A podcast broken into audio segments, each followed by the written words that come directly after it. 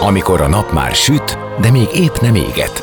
Már nem vagy álmos, de még nem vagy fáradt. Amikor már nem vagy éhes, de még nem vagy szomjas.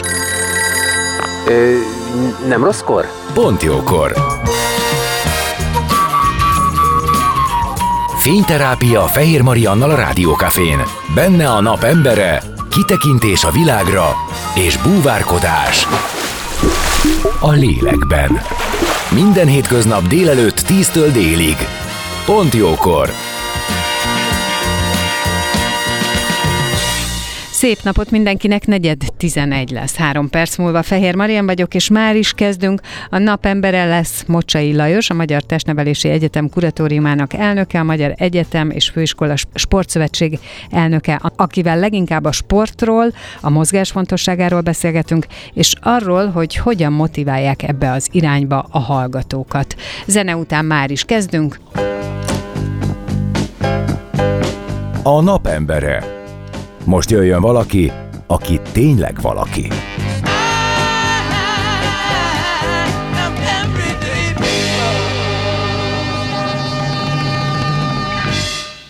És vendégem Mocsai Lajos, Magyar Testnevelési Egyetem kuratóriumának elnöke, a Testnevelési Egyetem egyetemi tanára, a Magyar Egyetem és Főiskola Sportszövetség elnöke, akit köszöntök.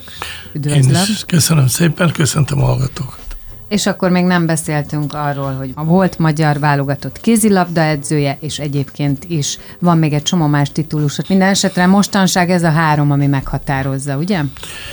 Valójában ezen túlmenően Balatonbogláron a Nemzeti Kézilabda Akadémiának a tudományos vezetője vagyok, az még úgy, hogy a kézilabdával kapcsolatom van, illetve az egyetemen, amit oktatok, az még az edzőképzéssel és a sportmenedzsmenttel kapcsolatos vezetőképzést mondjuk elég rendszeresen tanítom, és veszek részt az oktatásban ugye az egész magyar sport életre rálát, vagy hát tudja körülbelül azt, hogy mi zajlik, illetve az egyetemeknek, az egyetemistáknak az életmódjára is. Amilyen lehetőségeink vannak, tehát amennyi sportot ez az ország kínálni tud, ahhoz képest, hogy állunk életmódba, és akkor most nézzük először a fiatalokat az életmód oldalára, tehát nem a lehetőség oldaláról közelítjük meg, akkor ez az egyik legfontosabb paraméter halmaz, amiről beszélnünk kell. A Covid alapján a MEFS elnökeként Juhász Péter főtitkáról elrendeltünk egy, egy longitudinális mérést, tehát időben egymásra épülő követő mérést. Sajnos a hírek nem jók. Ami pozitív, kezdem azzal, mint pozitív ember, hogy az egyéni sporttevékenység, kerékpár, futás, túrázás száma ha nem is exponenciálisan, de megnőtt. A csapatsportágak majdnem teljesen szétestek abban a két évben. Ilyenképpen a sportolók száma, sportot űzők száma is jelentősen csökken. A probléma az ennél sokkal nagyobb. A magyar értelmiségi, akik kikerülnek valójában a következő évtizedekben az egyetem megről. Úgy gondolom, hogy ilyenképpen nagyon fontos, hogy tudnunk kell, hogy 30 éves korra az egyetemisták 50%-a túlsúlyossá válik. Nagyon nagy baj, hogy körülbelül 20%-a lesz a fiataloknak, akik az én általam megfogalmazott rendszeresség, amely adaptációt, fejlődést hoz létre, több mint kétszer-háromszor másfél órán belül elmegy sportolni, és sajnos úgy tűnik, hogy azok a betegségcsoportok, amit annak idején mi gyerekkorunkban csak a 40-50 év fölötti időskorra, úgymond idősebb korra emlékszünk, hogy láttunk ilyet a környezetünkbe, ma már az iskolás és az egyetemi korban is nagyon rendszeresek. Így az elhívásról jeleztem, keringési vérnyomás problémák, a rákra való hajlam, a különböző izomzati, érrendszeri betegségek, és mondhatnám tovább. Tehát a, a lényeg az, hogy úgy képzeljék el a hallgatók, hogy 30 éves kor után, 40 éves korban a magyar emberek egy olyan betegségcsoport halmazt hordoznak magukba, aminek várhatóan a nyugdíjkorhatárük magukkal viszik, és ilyenképpen az átlag kondicionális szintje a nemzetnek gyakorlatilag kb. 25-30 százalékkal rosszabb, mint egy nyugat-európai polgári demokráciába, és még, ami szomorú, még rosszabb a skandináv országokkal való összevetésben. Több mint 30 százalékkal rosszabb fizikai állapot. A hallgatóknál, ami tragikusnak tűnik, egy ilyen közép-európai depresszió, ami nagyon komoly gondot jelent, a nők 20-22 százaléka depresszív vitásra hajlamos. Mert úgy érti, hogy az egyetemi hallgatók, tehát fiatal emberekről beszélgetünk, Pontosan, igen. és ezeknek a 20-22 százaléka depressziós, vagy depresszióra hajlamos. Annak az okát, hogy miért, azt lehet tudni? Tehát, hogy hát valami hát egzisztenciális szorongás... Egyrészt pontosan. Tehát amit ő mondott, ez a legjobb terminus technikus, ez az egzisztenciás jövőképtől való szorongás. Valójában a elmúlt évszázadnak egy nagyon nehéz gondolata volt, az egyént, az egót fejlesztették, minden csinálj egyedül, együtt lak, egyedül érvényesülj, egyedül karriert, és nem a közösség irányába, és nem elsősorban a fizikai terhelés irányába indult el. A mozgásgyógyszer, a fizikai aktivitás a legkülönb és a legnagyobb segítséget nyújtó, a GDP-ben azonnal megjelenő érték, azonnal. Tehát a fiatalság elkezdene az egyetem, azt mondja, hogy akkor holnaptól, aki nem olyan beteg, 70-80 százalék elkezdünk sportolni, annak a finom koordinációs szintje, az állóképessége, a teljesítő képessége, a nagy betegség csoportban való részvétele legalább 40-50 százalékosan csökkenne. csökkenne. Tehát itt egy multikulturális területről beszélünk, egy interdisziplináról elnézést a kifejezésekért, de ezek tükrözik a tartalmat a legjobban. Magyarul a sok tudomány területnek a prioritása rendkívül fontos. Egy dolgot el kell fogadnunk, hogy a fizikai aktivitás, ahogy mi hívjuk a pszichomotoros kultúra, gyakorlatilag az egyik mindent áthálózó területe a kultúrának. És itt jöttünk el ahhoz, amit talán ön háttérbe gondolt, talán fontos lenne megfogalmaznom, mégpedig a következő. A, hallok egy riportot, fantasztikus Magyarország, egyébként is egyébként, hogy olyan sporteseményeket rendezünk a világba, amely a kultúra területén is követendő. Na most jelzem, hogy a mozgáskultúra, a mozgásműveltség, a kondicionális kultúra, a teljesítő képes tudáshoz nagyon fontos alapokat adó sporttevékenység, az a kultúrának teljes értékű része, és igazán magasan minősíthető kultúrterület. Na most itt az a nagy baj, hogy akik szétválasztják, azok azt gondolják, hogy szoktam mondani, kicsit vicces, ez egy úri huncottság, hogy a szabad időben elmész egy kicsit mozogni. Hát nem erről van szó. A rekreációról van szó, ahol a fizikai teljesítmény svéd és a valakinek kedves, hogyha a japán tudósokat tanulmányozni, közvetlen pozitív hatással van a kognitív szellemi tevékenységgel, a test, lélek és a fizikai teljesítmény holisztikus egységébe. Ezért sokkal nagyobb feladatot és szerepet kell szánnunk, és sokkal komolyabban kell venni a testkultúrát.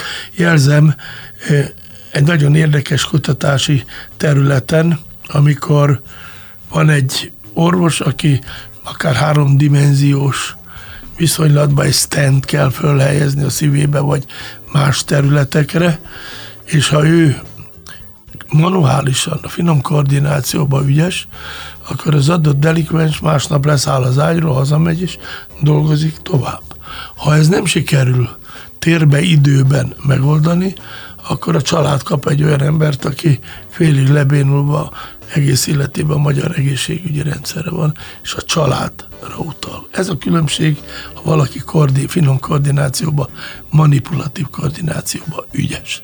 Tehát nem véletlen az, hogy most már a világon számos olyan megjelenítési forma van, hogy az oktatás képzésben a manuális finom koordinációs ügyesség a duális képzésben a szakmai képzésektől kezdve a különböző említett intellektuális és egyéb területen is létfontosságú. Tehát magyarán azt mondja, hogy vannak olyan sportok, amelyek azt segítik, hogy egyébként egy teljesen, tehát a sporttól különböző területen dolgozva az ottani kvázi fizikai munkát úgy lehessen elvégezni, hogy az ne okozzon kárt. Amit ön mond, az szó szerint értendő, szignifikáns összefüggés van, az a speciális sporttevékenységgel javított koordinációs színnek a javításán. Erre már a testnevelési egyetem kutatásai. Tehát ilyen értelemben, majd, hogy nem, mondhatnánk azt, hogy egy orvosnak kell ilyen és ilyen mozgást végeznie, hiszen egyébként az élete nagy részében, bizonyos területeken, az élete nagy részében hozzányúl emberekhez, emberek testéhez, felrak, átrak, nem tudom, többféle módja van ennek, de lényeg a lényeg, hogy ott azért annyira nem is lehet hibázni. Pontosság, precizitás és biztonság tekintetében nyilván egy nervológus, vagy olyan ember, aki ezt a nagyon finom koordinációt igényli a sebészetnek természetesen. Uh-huh, uh-huh. Nem véletlenül, hogy a valamelyik naphajnalba hallgattam itt az éjszaka ismétlésnél, a, hogy a Leonardo da Vinci gépet hozzák, amely robot arra képes, hogy a tremort és ezt a bizonytalanságot minimalizálja, vagy kiszűrje az orvosi tevékenységből, mert ahogy romlik a fizikai állapot, ahogy romlik az emberek általános ügyessége, úgy romlik ez a biztonságunk ki kell váltani géppel. Úgyhogy pontosan erről van szó, nélkülözhetetlen nélkülözhetetlen. Tehát ezért kell a fizikai aktivitásba a motoros és a pszichés területeket összekapcsolva nagyon komolyan az egyetemistáknál dolgozni, mert azok az értelmiségek, akik kikerülnek a terepre, nem mindegy, hogy a környezetükbe, mint meghatározó szakmai vezetők milyen kultúrát visznek tovább. Ezért nagyon fontos ez a beszélgetés. Zenélünk most, és aztán utána folytatjuk a beszélgetést vendégemmel, Mocsai Lajossal, Magyar Testnevelési Egyetem kuratóriumának elnökével, a Testnevelési Egyetem egyetemi tanárával, Magyar Egyetem és Főiskola Sportszövetség elnökével. A napembere. Most jöjjön valaki, aki tényleg valaki.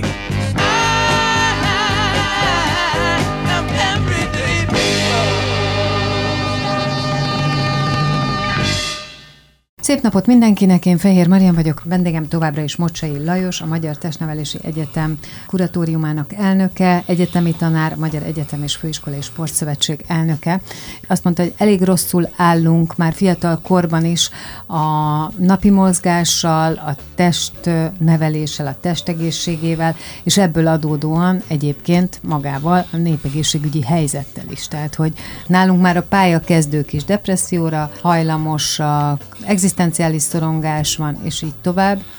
És hát ezek mind olyan dolgok, amik egyébként a sporttal oldhatóak lennének, hiszen azt szerintem az már egy nagyon régi tétel, hogy nem lehet egyszerre szorongani és sportolni, tehát hogy az egyik, a mozgás azért kioltja, igen, az ilyen jellegű nehézségeket. De induljunk akkor a legkisebbektől, illetve attól, hogy évek óta létezik a napi testnevelési kötelezettség az iskolákban. Akkor hogy van az, hogy ez nincsen, nem ékelődik be, ne, be, nincsen hozzá kedv a szabadidőbe, és így tovább. Az én koromban nem volt minden nap testnevelés, csak heti kettő, de a mozgás az azért részünk volt. Igaz, és ha emlékszik arra a kék könyvre, ahol egy millió fiatal volt leigazolva különböző sportkörökbe, amit még most nem értünk el. Egy millió gyerek sportolt. No, hát erre azt kell mondanom, hogy a napi testnevelés az szerintem a világon és Európában is majdnem egyedülálló lelkű lehetőség a testnevelő tanároknak, hogy megvalósíthassák önmagukat és a szakmát képviseljék. Itt nyilvánvalóan a létesítmények az utóbbi években több mint 50 csarnok épült, vagy már közel 100-hoz, uszodák is már tucat szám épülnek, tehát a lehetőségek bővülnek. Igen, és ezek nagy része azért csak ott áll üresen, és ugye azért ezt többen teszik fel azt a kérdést, hogy biztos, hogy ezen a területen kell lefejleszteni, miközben nincs kihasználva. Hát aki ilyet kérdez, az sajnos nem tudok vele azonosulni és egyetérteni, hiszen ha azért a testnevelés óra tartalmát kritizálják, hogy nincs megfelelő létesítmény, akkor a létesítmények nélkül megfelelő munkavégzése lehetséges. Én a középutat javaslom, tehát ha van létesítmény, ha nem, a testnevelő tanárnak annyira intuitívnak, annyira kreatívnak kell lennie, hogy a környezetében meglévő lehetőségeket, eszközöket az óráknak a blokkosításával és egyéb más területeken. Tehát a tantervnek, a tananyagnak van egy olyan része, ami a helyi adottságokhoz igazítható. Ebből adódóan ebben élni kell, vállalni kell a fáradtságot. Amikorunkban a testnevelő tanár hajnalba nyitotta ki a tornacsarnokot, és este a zápor vert el onnan, mert végig sportkör tartott még a sötétítésig. Nekünk az időhöz viszonyítva kézilabda, kosárlabda és kispályás fociban minden bajnokságban részt vettünk télen-nyáron. Tehát én azt gondolom, hogy ez sok helyen nagyon jól működik. Én azt gondolom, hogy a szakképzett munkaerő körülbelül 1800-2000 magasan képzett testnevelő hiányzik az iskola rendszerekből, amelynek a pótlása folyamatban van.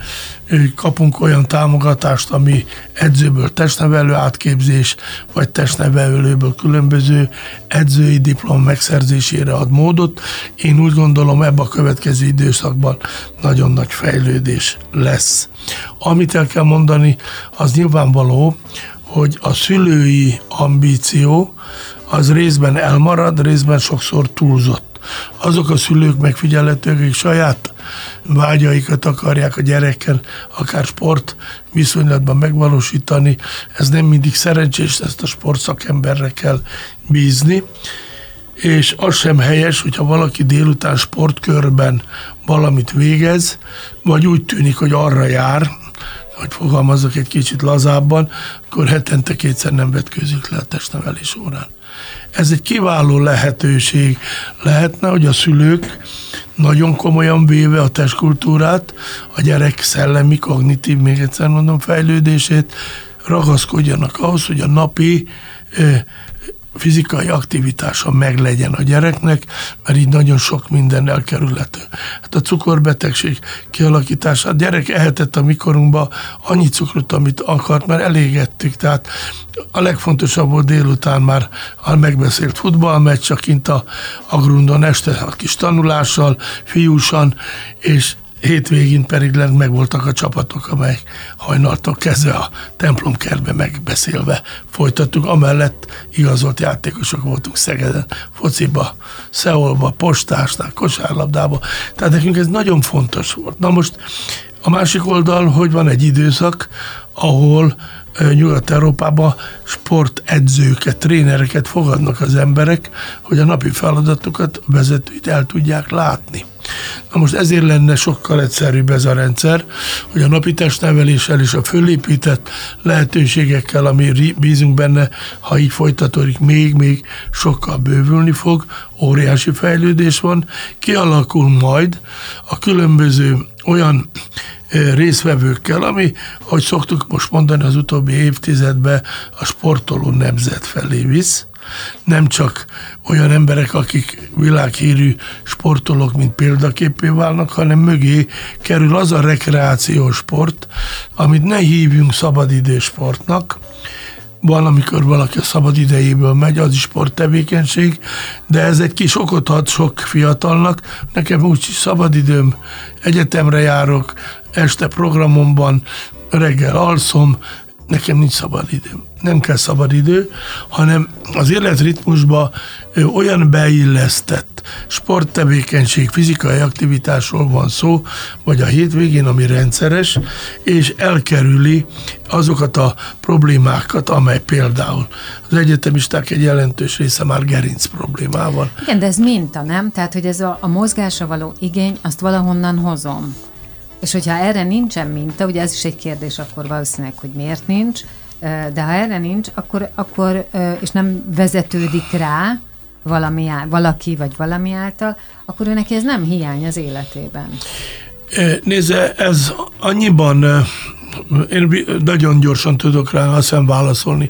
A hajós Alfred terve, amely a kormány előtt van, most a háború miatt egy kicsit várni kell rá, öt kategóriát hoz létre. Ez az utolsó terület, ahol a fiatalokra konkrétan tudunk hatni a diplomaszerzéssel együtt, hogy az életmódját, az éles stílusát berendezze mit tart fontosnak, és mit tart kevésbé. Ez az egyik. Ebben a tervben világosá válik a példa, a minta. Tehát van egy élsport, amely nagyon magasan van, Így van. az példa értékű lehet, a mintának szerintem egy fokozattal közelebb kell kerülnie, ezért az egyetemeknél pluszponttal és beiskolázással támogatjuk azokat, aki gondolja el, hogy hat éves kortól de mondjuk a Dán példában, ahol mama-baba labda torna van, együtt az óvodában labdáznak egy kis anyukákkal, és ez a Dán kézilabdázásnak a programja például. Tehát én, mint a kézilabdának a tiszteletbeli elnöke, régóta dolgozom azon, hogy a korosztályos képzésbe megfelelő ilyen jellegű motiváció és lehetőség is kialakuljon. Ma már egy biztos, hogy a komoly sporttevékenységre gondoló szülők, akik szerintem a legjobbat teszik a gyerekkel, aki erre alkalmas, kihangsúlyozom, egy duális gondolattal a sport és a tanulás viszonylatába a legkevesebb serdülő, fejlődés egyéb problémát tudnak magukéval és elkerülhetik. Visszatérve, az egyetemi sportban öt kategóriát határoztunk meg. Egyik, hogy a, a mintát és a példát adó kiemelkedő, már hat éves kortól sportoló gyerekeknek a továbbtanulásával létrehozni azokat, akik nemzeti válogatottakban is egyetem lét mellett tudnak tanulni és érvényesülni, diplomát szerezni és elverni olykor a világot. A második kategória a rendszeresen egyesületben közösség felé vívő területeken való sporttevékenység, akik gyakorlottak, 6-8-10 éves sportágat művelnek, magas szinten tanulnak, és szeretnék egyetemi sporton belül bajnoki rendszerbe, és esetleg kubéletbe részt venni. Tehát, hogy integrálható A minőségű, legyen integrált az egyetem. Harmadik része azok, akik a testkultúrát, az egyetemi kreditált, tehát számon kérhető sporttevékenységgel, megfelelő sportszakemberrel, annak vezetésével, annak a szervezésével az egyetemi életen belül rekreatív, heti három alkalommal. Menjenek le focizni, futzál, kézi, kosár, érti, mire gondolok. A vízilabda bajnokságban most a Mefobon 17 egyetemi csapat jelentkezett, fantasztikus. No, tehát legyen egy ilyen. A negyedik legyen az, akik megfelelő gyógy gyító, tehát a gerinc tornától kezdve azokat, amik, melyeket megszereztek már erre a korra, mondhatom azt, hogy korrekciós. Gyógytestnevelés és olyan jellegű tevékenység, amivel még vissza lehet fizikailag hozni a fiatalokat arra, hogy a mu- munkavégz, a szülésre meg- mindenre alkalmasak legyen. Igen. És bocsásson meg, és az utolsó kategória pedig a kifejezetten speciális olyan területek, amely a gyógy után van, akik rendszeresen eljárnak országos rendezvényekre, vizitúrára, kajak, egyéb közösségi sporteseményekre. Igen, látom, hogy minden területet le akarnak fedni, csak itt a gyógyra visszatérve, hogy ezt annyira, hogy amikor én gyerek voltam, a gyógytestnevelés az volt, mint valami könnyített torna, olyan volt a fejünkbe, és ma már én azért azt tudom, hogy ez egyáltalán nem könnyített torna, ez egy nagyon komoly sport a gyógytestnevelés.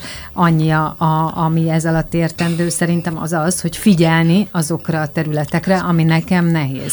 Tehát, hogy azokat a... ez, ez nagyon fontos, amit ön mond, mert a gyógytornát és a gyógytestnevelést összekeverjük, ebből lett egyébként kalamajka is, Tényleg? mert azt hitték, hogy bizonyos emberek, akik ehhez nem értettek, hogy ez ugyanaz a terület. Amit ön mond, annak annyira releváns, hát gondolj el, hogy a gyereknek szív-izomgyulladása van, tüdőgyulladás. Ezek belgyógyászati problémák, ott a gyógytorna nem segít, csak a gyógytestnevelő tudja, hogy hogyan hozható vissza az egészséges gyerekekkel a terhelés. Akkor Tehát viszont ezt ketté kell Két szakma, pontosan. Az iskolában elsősorban gyógytestnevelőre van szükség. Aki tehát, akkor tudja személyre szabottan, hogy kivel mi van? Hát a tanárnak ez a dolga. Nem csak a tanáriban, hanem ott legyen a gyerekek között, és tudja, hogy kisfiam, te két heti ki voltál írva 40 fokos lázzal, most visszajössz, és akkor ezt a folyamatot fölépítjük ketten, akár óra alatti külön foglalkozással, vagy gyere be délután az ebédszünetbe, szeretnék veled foglalkozni. Ez a gyógytestnevelés, erre mi külön diplomarészt adunk a testnevelési egyetemen, és van a gyógytornász, ami nagyon fontos, az pedig len azokba a különböző elváltozásokba, operáció, primér prevencióba, utána való ö, ö, földzárkóztatásba, stb. fantasztikus fontosságú terület, a, akár a sportban, akár a sérülések vagy operációk rehabilitációjában. És a kettőnek ma már például a Baglári Kézilabda Akadémiámon gyakorlatilag ezek a programok összefolynak, uh-huh. hogy a, a, a gyógytestnevelő és a gyógytornász nagyon sokszor mind a két diplomával rendelkezik, így a betegségek és a terhelhetőség és a különböző sérülések előtti megelőző, még egyszer mondom, a primér prevencióra Magyarországon nagyon keveset gondolunk jelen pillanatban. Ennek óriási jelentősége van, akár a járás vizsgálattal, akár olyan terheléssel, hogy tízezer szegmensből egy átvilágítás után meg lehet mondani, prediktív jövőből látom, hogy mi lesz belőle, ami nem jó esetleg. Ezekkel foglalkozunk. Ez nagyon érdekes, hogy, tehát, hogy minden szögből el akarják venni az embereket arra, hogy sportoljanak, mozogjanak, de azt tudják, vagy ez megmondható, hogy ezt, ezt hol, hol felejtettük el, hol hagytuk abba, mert én a környezetemben azt látom, de lehet, hogy akkor ez az én közegem, tehát a gyerek megszületésétől mindenki próbál mindent megmutatni, hadd válasszon az a gyerek, valamit csináljon, kösse le az energiáit, tehát ugye a szülőnek is az a jó, hogyha a gyerek értelmes dolgot csinál, foglalkozik vele, Nyilván vannak azok a szülők, akik élsportolót akarnak faragni a gyerekükből, ott minden annak van alárendelve, van az, aki azt mondja, hogy oké, okay, akkor csináljon, amit szeretne, és így tovább. Tehát, tehát hol vesztettük ezt mi el? Szülőként, felnőttként, hol nem adjuk tovább a gyerekeinknek? Mi történik? Ez nagyon messzire visz. Annak idején a csodám modellbe, ugye nekem a három lányom, a fiam van, és mondtam, hogy most születik a 15. unokám, ők mindegyik, ez nulladik évtől kilenc éves korig vannak. Mindenki viszi Mind, ezt a három Mindenki gyereket? viszi a gyereket jobbra-balra, a testkulturális területre, zenére, tehát a, a kiművelt emberfő, nek a képzése ez egy összetettebb dolog, de ez az kell, hogy a gyerekeink, akik mind diplomások, három-hét nyelven beszélnek többnyire, tehát gyakorlatilag olyan emberekről van szó, akik bármilyen szakmába, amit választottak, akár kertészmérnök, akár közgazdás, stb. megállhatják a helyüket. Most azt mondták, hogy ezt az időt a gyermekeim a szülésre és az utána való fejlesztésre használják, és közben, hogy a gyerekek belenőnek az iskolába, elindul az egyéni szakmai karrier is. De erre rá kell áldozni 6-7-5 évet, amiből ez lesz, és én ebben látom az első dolgot, hogy az erre való készség eh, bár a családok fejlődnek, azt gondolom a közösségek érezhetően, és akik között mi vagyunk ilyen nagy családosok, ezeknek ez természetes. Tehát ennek azért megvan a maga módja. Amikor a, a nők annak idején elkezdték azt, hogy bármi áron a munkaterületén kell feladatot kapniuk, és a, a, a férfi és a nő viszonylatába kialakult a mostani rendszer, akkor az várható volt, hogy a nagyszülőknek jelentősebb, nagyobb affinitást és mondjuk munkát kell a gyerekeik számára biztosítani, hogy amit ön is mond, meg én is, ez az életmód megvalósul. Nagyon sok nagyszülő viszi a gyerekeket testnevelésre, testkultúrára, sporttevékenységre, tehát ezt is össze lehet hangolni, de itt ez biztos, hogy az energia és az idő tényezők. A nők jelentősen nagyobb monotónia tűrők, mm, sokkal nagyobb folyamatos munkavégzések képesek, mint a férfiak. egész más. Ugye a női férfi csapatnál voltam válogatott, ezért tudom, hogy egész másképp is nem mindenbe kell foglalkozni.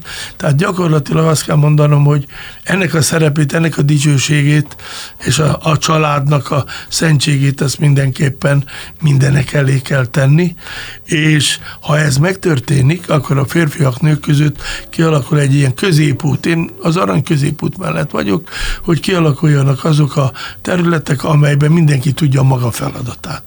A férfi tudja a feladatát, hogy úgy kell részt venni az elköteleződés után, hogy a gyerekeknél hatványozottabb, egyéb anyagi és föltételrendszer biztosítása, a hölgyeknek borzasztó ez a napi feladat, egész 12 órás vagy még több szolgálat. Amiben sok a láthatatlan munka. De a láthatatlan is azért mondom, hogy a nők különbek vagyunk, mint mi férfiak ebbe, és ezt nagyon tisztelni és becsüljük mindannyian, akiknek ilyen felesége van, és ilyen családanyáink vannak. Gyakorlatilag utána pedig az egyensúly visszaáll, és ugye egyre többet hallani nem csak nyugat-európai társadalomban, hanem Magyarországon is, hogy a férfi most ebbe a két évben visszalép, és szeretne a gyerekeivel lenni, a hölgynek olyan beosztása van, hogy ő vezető szerepet kap, és akkor szeretné ott is elindítani az életét. Tehát ezt mindannyian átéljük, és azt gondolom, hogy ez az egyensúly, mondom, az arany középút, míg bárki bármire gondolna, ezt kell valahogy megtalálni egymás közt, és ez az a helyzet, amikor egy család megalakul, akkor vállalnia kell azt a részt mindkét félnek, hogy ö, odaadja az idejét, az energiáját, a szeretetét és azt a koncepciót, amiből a család ilyenképpen tud együtt fejlődni, enélkül nem fog menni. Tehát amivel ön kérdezett, volt egy rövid válaszom, hogy a 21. század az egóé volt inkább. Most azt kell mondanom, a 21. században el kell tolnunk bármilyen közösség felé, és ez a közösségben való lét, amely viszont megfelelő módon próbálja az ego, az egyén, szép szóval inkább az egyéni értékek, érdekek mellett érvényesülését harmonizálni, hogy ezek is megmaradjanak, de a család és a közösség fölé kialakul egy olyan értékrend, aki mindenki számára törvény. És ezt betartjuk, akkor mindenki jól érzi ez az ernyő alatt magát, mert mindenki tudja, hogy milyen időben, milyen lehetőséggel ki és hogyan tudja a saját életpályáját felépíteni. És ezt az ernyőt mi alkotja? Ki alkotja? Hát az nyilvánvalóan a tehetség fontos, második a megfelelő háttér, amire a támaszkodhatunk, és nem anyagiakra gondolok, hanem mentális uh-huh. szülői háttér, az az intellektus, amiben fölépi, földeveltek bennünket, az a szolgálat, amire alkalmasak vagyunk szülők, nagyszülőként a családot támogatni, és hát az ernyőt azok az értékrendek alkotják véleményem szerint, ami állnak az alapértékekből, és állnak az erényekből, aminek a rendszerét, akár egy etikai kódexben, amit én megírtam a sportba, betartják, akkor ez előre visz. Megadatott az, hogy játékos, hogy edző, hogy tanítja, hogy sportvezető. Nem voltak itt ilyen nagy elválasztások, hanem általában ezek tudtak egymás mellett is működni. Ha most így a végére azt kérdezem, hogy mi az, amit még szeretne, hogy az ön életében megvalósuljon? Valójában az én életem szerencsés, hiszen nagyon fiatalon, négy olimpián, 19 világversenyen, 10 évig a Bundesliga-ban a világ legerősebb bajnokságába vehettem részt, és a nemzeti válogatott női férfiakkal eredményesek voltunk évtizedekig. Ez egy nagyon-nagyon összefonódott a család, az egyetemi létem és a, a sport edzői karrieremmel. Amikor a rektori posztot elvállaltam ezelőtt 8-9 éve, akkor gyakorlatilag az a változást hoztam meg, hogy a mai nap már 45 éve dolgozom a TFN, azt szeretném, hogy a Magyar Testnevelési Egyetem, most már Magyar Testnevelési Sporttudomány Egyetem, azokat az értékeket, erényeket és azt a tudást egy világhírű egyetemmé tudja újra produkálni, amely az elmúlt évtizedekben, 70-80-as években betöltött a világ egyetemi rangsorába. Jó úton vagyunk, mind létesítményekben fejlődünk. Most a háború miatt egy kicsit lefékeződtünk, de a gyakorlati tantárgyaink oktatásához nélkülözhetetlen lesz a további fejlesztés. Most májusban átadjuk a Csörsz utcai sporttelepünket, ahol atlétikai VB edző területe is leszünk, gyönyörű csarnokot, atlétika, futballpályát. De ez mind csak a gyakorlati munka 65-70 százalékát nem tudjuk még, mert a belső tomb az alkotás utcai most készül még el. Tehát én azt gondolom, hogy ez a legfontosabb célom, hogy a munkámat befejezvén úgy szeretném továbbadni az egyetemet, hogy ezek a munkák elkészülnek.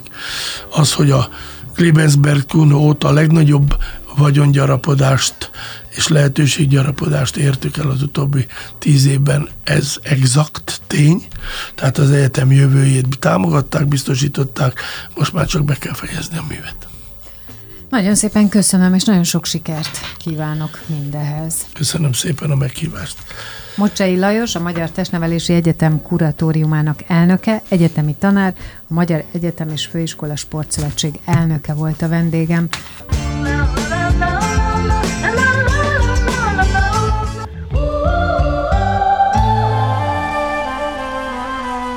Az elhangzott műsorszám termék megjelenítést tartalmazott.